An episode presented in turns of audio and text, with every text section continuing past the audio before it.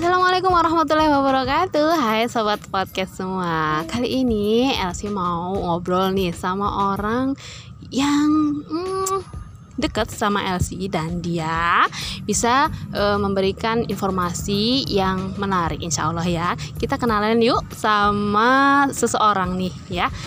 Halo Assalamualaikum. Waalaikumsalam. Dengan siapa nih? Dengan Ini dengan El Hamida Oke. Panggilannya Elda. Oke. Saya manggilnya Mbak apa Ibu deh di sini? Oh panggil nama aja kali Oh ya. Elda. Oke. Ya. Elda. Elda ini apa sih statusnya nih?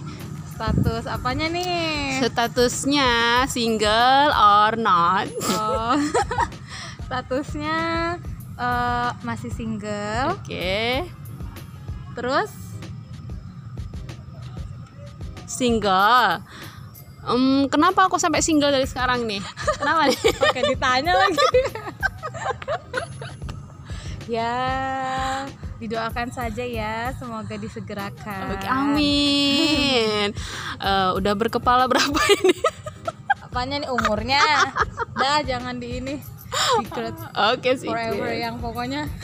Oke Elda. Elda kerjanya apa sih? Eh, kerjaan saat ini eh, sebagai staf pengajar di salah satu universitas di Lampung. oh dosen ya? Ya, oke. Dosen apa nih? Dosen di jurusan Teknik Pertanian. Di di Unila. Unila, oke. Emang dari awal di Unila atau gimana? Hmm, sebelumnya? enggak. sebelumnya itu pernah eh, mengajar di Polinela, Politeknik Negeri Lampung. Waktu Mhm. itu mengajar di mekanisasi pertanian. Jadi nggak jauh-jauh lah dari yang namanya pertanian-pertanian gitu. Hmm, Berapa lama itu di sana? Kalau di Polinela itu sekitar eh, kurang lebih dua tahun lah. Dua tahun. Terus pindah ke Unila. Terus pindah ke Unila. Hmm, kenapa nih kok pindah nih? eh alasan pindahnya ya. Mhm.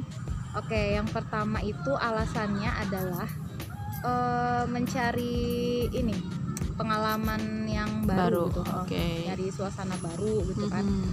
Kemudian juga eh, apa namanya untuk memperluas ini hmm, apa jaringan Oh, jaringan. pertemanan. nah, ah. Oke. Tuh. Kemudian juga ya ini aja pengen mengabdi gitu dah. Jadi kan dulu S1-nya dari ini dari Teknik Pertanian Unila kan. Mhm. Nah, jadi pengen mengabdi juga gitu di jurusan. Oke. Tuh. Jadi kembali lagi lah ya, Kembali tapi lagi. sebagai dosen. Sebagai dosen, Oh, oh, alhamdulillah. eh, alhamdulillah. Lah, Terus ke- eh, sebelumnya ini kuliahnya di mana sih kalau boleh tahu? Kuliahnya Setelah Unila. Oh, Oke, jadi S1-nya S2-nya? di Teknik Pertanian Unila. Ah. Kemudian hmm, apa ya hampir setahun lah kalau nggak salah ya itu nganggur statusnya saudara-saudara Oke. jangan sedih. Nah itu hampir setahun itu nganggur. eh, terus eh, apa ada bukaan beasiswa nih ceritanya. Mm-mm. Terus ya udahlah namanya eh, ini kan kita semua apa peluang yang ada tuh kita coba aja ya kita kan nggak Mm-mm. pernah tahu suksesnya tuh di mana gitu kan Mhm. nah jadi ya udah nyoba beasiswa itu terus nyoba daftar S2-nya juga alhamdulillah dua-duanya lolos beasiswanya lolos S2-nya lolos gitu nah Mm-mm. S2-nya ini yang dipilih itu di IPB di jurusan Teknik Sipil dan Lingkungan IPB IPB ya. Hmm. Oh, tapi teknik sipil ya, bukan pertanian ya. Nah, jadi gini ceritanya. Sebenarnya di IPB itu ada fakultasnya namanya FATETA, Fakultas Teknologi Pertanian. Itu dulu ada jurusan eh, teknik pertaniannya. Mm-mm. Nah, kemudian eh, aku lupa tahun berapa gitu ya. Terus dia kayak eh, mengembangkan inilah, mengembangkan apa ya ibaratnya. Jadi kayak pecah gitu. Mhm. Jadi eh, kalau di TAP sendiri kan sebenarnya kayak ada tiga bidang, yang tentang mesin, terus tentang tanah dan air sama pasca panen. Mhm. Nah itu jadi pecah gitu. Jadi yang teknik mesin apa namanya, eh, yang mesin-mesinnya itu di IPB jadi TMB, kemudian yang tanah dan airnya itu jadi teknik sipil dan lingkungan. Terus yang pasca panennya itu jadi eh, teknologi pasca panen kalau nggak salah gitu. Hmm, sejarahnya. Jadi ya sebenarnya kalau yang dipelajarin ya sama aja sama tetap- aja ya. iya tetap ini juga tanah dan air juga. Mm-mm. waktu S1 kan emang aku ngambil minat itu kan tanah dan air gitu. Jadi ya sejalan lah gitu. Hmm, Oke, kalau apa kan di Unila ini, jadi ngajarnya itu ya sama dengan waktu kuliah ya, tidaknya ya, dapat Iya, lah ya. uh, uh, uh, uh. Mm-mm, hampir sama mm-mm. Terus kira-kira asik gak sih jadi dosen ngajar pertama kali nih kalau ngajar mahasiswa? pertama kali ya pengalaman pertama kali jadi dosen Mm-mm. itu grogi Mhm. gimana enggak gitu kan Uh, kita tuh yang aku tuh bukan orang yang biasa ngomong di depan publik gitu istilahnya ikut organisasi aja cuma yang di belakang layar gitu kan terus tiba-tiba disuruh tampil di depan publik Mhm. terus mengisi kelas itu dalam waktu beberapa jam gitu kan. Nah itu kan ini susah awal-awal ya. Cuman udah udah sekarang sih udah biasa aja sih. Karena biasa ya. Ah, karena biasa. Cuman ya kalau pertama kali ngajar tuh merinding. Hmm, merinding. gemeteran itu.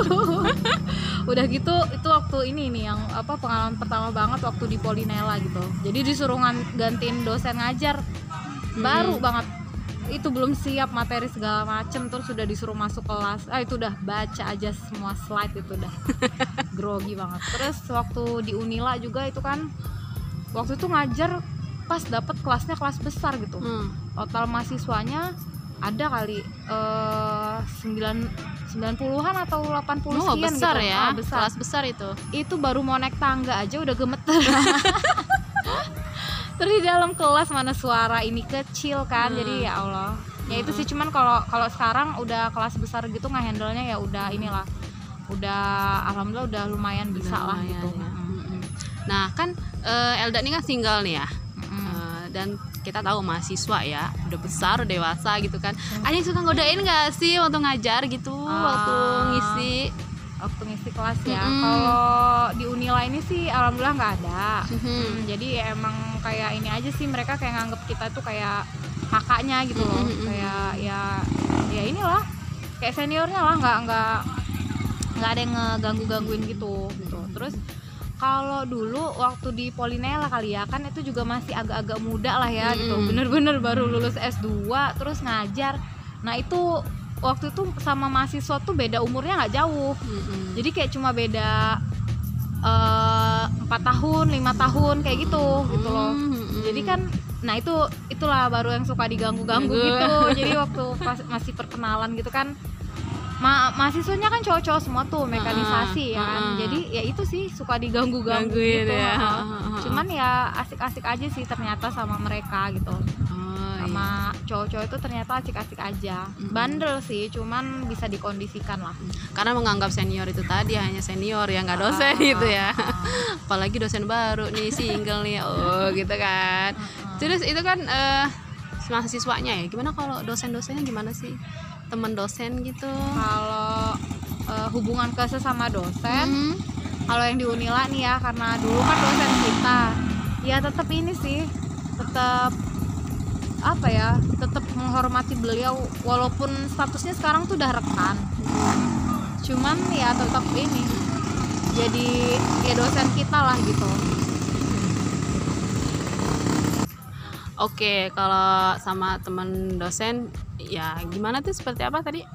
Eh, sama yang sesama dosen kalau apa ya hubungannya gitu ya relationshipnya. Jadi karena beliau-beliau itu dulu kan pernah ngajar kita gitu ya Hmm. gimana pun juga itu udah kayak Ini yang di Unila ya. ah, yang di Unila. itu udah kayak apa orang tua kita gitu Hmm. jadi sampai hari ini pun tuh masih hormat sih sama mereka semua gitu kalau mau ngirim pesan pun masih maaf bapak mengganggu waktunya Hmm. masih sampai hari ini seperti itu Hmm. karena ya itu karena eh, ya mereka tuh orang tua kita gitu kan jadi masih seperti itulah tapi mungkin kalau untuk kayak apa bercandaan segala macam itu udah udah lebih leluasa lah kalau dulu kan nggak bisa ngebully-bully ya kalau Mm-mm. ngebully eh alamat dapet eh langsung kan Ah, Oke. terus kalau sekarang sih bisa ngebully-bully kurang aja tapi biasanya kayak gitu buat bumbu-bumbu ya bumbu-bumbu Iya itu cuma mainan doang lah. sih oh, biar apa Nggak tegang-tegang amat gitu. suasananya cair gitu. Apalagi kalau kayak rapat gitu kan ada bapak yang Hmm. tegang terus kita lemesin kan kita Hmm. ajak bercanda kayak gitulah oke berarti kalau misalkan di dos di teknik pertanian ini dosen-dosennya laki-laki ya kebanyakan ya oh kebanyakan laki-laki Uh, dosen perempuannya dulu pun waktu baru masuk tuh cuma ada dua. Nah kalau Hmm. sekarang udah ada tambahan dua lagi sama ada yang terbaru sama tambahan aku gitu. Oh. Jadi udah ada lima sekarang yang perempuan. sudah ada lima Tapi tetap mayoritas laki-laki semua. laki-laki semua oh iya iya iya iya Eh, Elda ini di sini statusnya apa sih dak udah PNS atau belum Status kalau di Unila ini statusnya ini dosen tetap non PNS. Jadi Hmm. masih belum PNS. Mm-mm, Insya Allah bentar Gitu. lagi ya. Iya, Amin. doain ya. Tapi kalau misalkan eh, kira-kira nih, kalau ada yang pengen ke teknik pertanian, kira-kira kelebihan apa sih teknik pertanian nih? Mungkin ada yang deng- pendengar nih yang lulus SMA nih, pengen Ah. ke universitas, bingung nih ngambil apa nih jurusan. Mhm. Dan kalau di teknik pertanian ini apa nih kira-kira kelebihannya apa sih gitu? Bisa jadi pertimbangan nih buat anak-anak. Nah ini sih eh, mungkin sebelum masuk ke situ ya ini juga apa ya hal yang menggelitik gitu ya.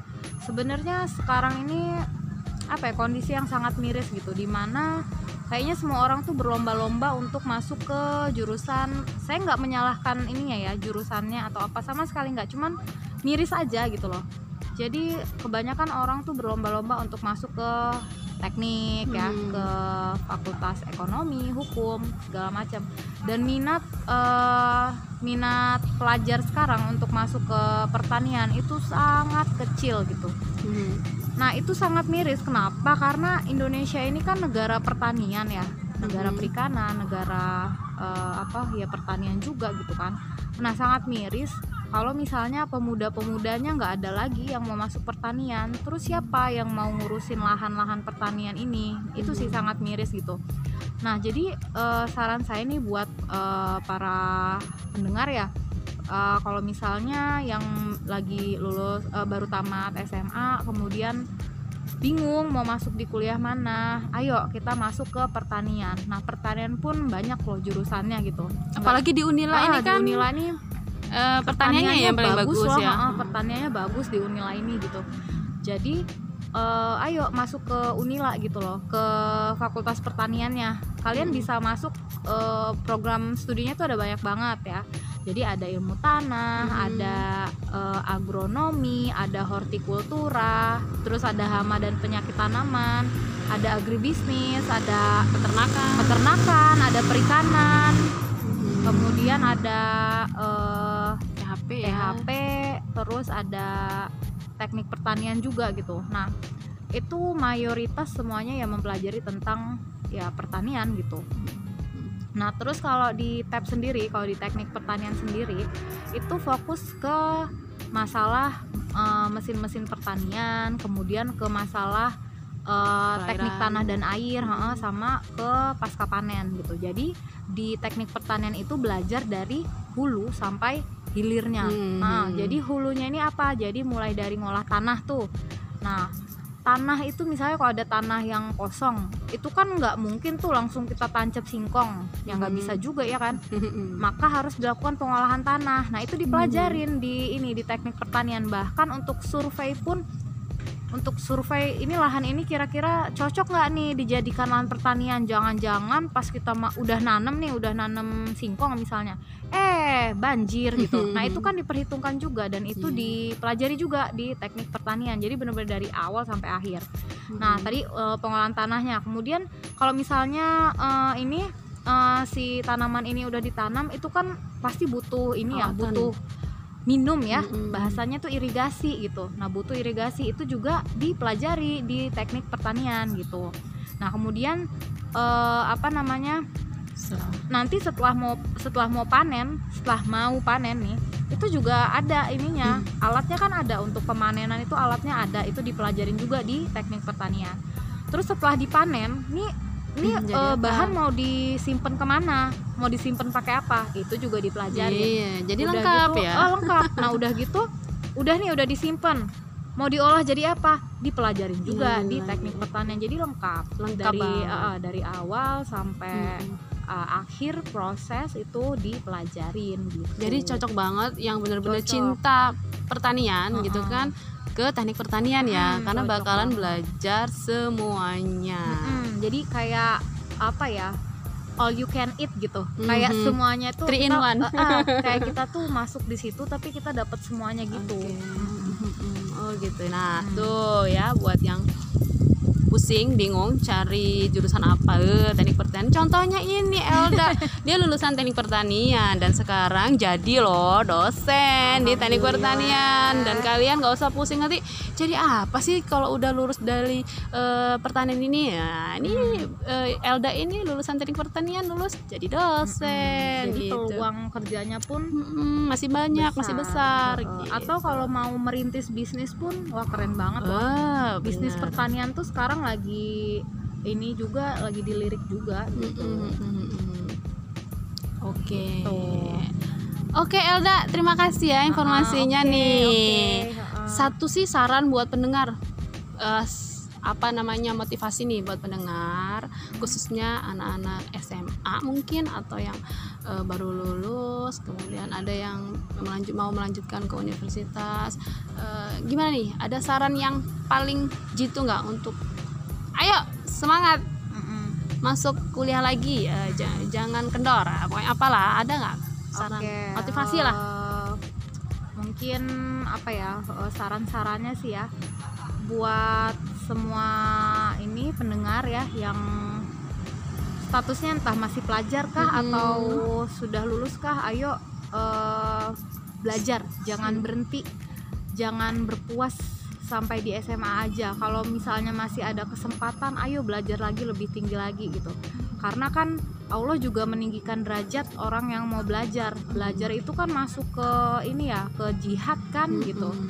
Nah eh, belajar juga itu ya bukan cuma untuk kita tapi untuk eh, di sekitar kita juga gitu kan. Mm-mm. karena ada istilah juga kejarlah ilmu sampai ke negeri, Cina, Ah, oke eh, gitu gitu ya. dan belajar tuh ya itu nggak cukup sampai di SMA saya pun udah udah S2 nih gitu kan. Ya tapi ternyata eh, ilmu yang didapetin tuh ternyata masih kurang gitu Mm-mm. ternyata semakin kita belajar itu semakin kita ngerasa bahwa apa yang kita punya itu semakin nggak ada Nggak. gitu loh akibatnya kita mau belajar lagi belajar lagi Mm. belajar lagi gitu nah jadi buat semua teman-teman pendengar nih jangan pernah berhenti untuk belajar jangan menyerah jangan menyerah ha. dan pasti ada jalan kok kalau misalnya kalian eh, alasannya nggak bisa melanjutkan pendidikan itu karena eh, biaya atau karena apa. Insya Allah pasti ada jalan. Sekarang pemerintah juga udah membuka udah membuka eh, apa namanya keran-keran beasiswa gitu. Jadi Hmm, ada banyak Mm-mm, eh, bantuan beasiswa. lah buat teman-teman yang mau eh, kuliah yang mau melanjutkan sekolah tuh ada banyak gitu. Jadi Mm-mm. jangan jangan pernah menyerah. Kalau misalnya satu pintu ketutup ketuk pintu lain agar dan dibuka pintu itu gitu ya kayak pengalaman aku dulu kan nggak keterima kerja di mana-mana. Ya tapi kita jangan berhenti. Siapa tahu Mhm. di pintu kesekian baru kebuka Mm-mm. gitu. Mm-mm, good. Oke oke. Elda terima kasih. Iya. ibu dosen nih keren banget. Sangat memotivasi sangat menginspirasi banget.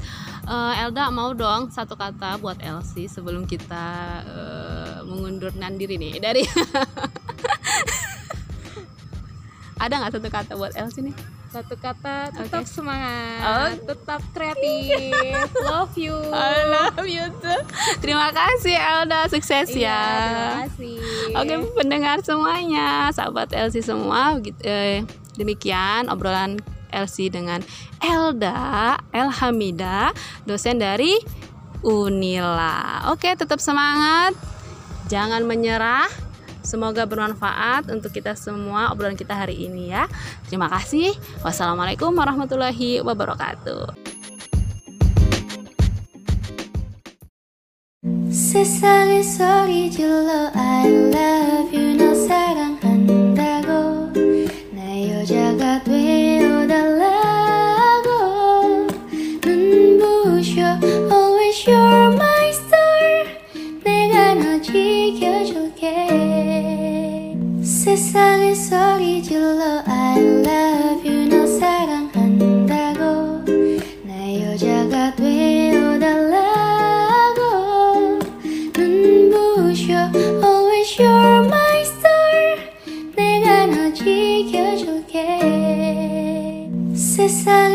lead you low, I love.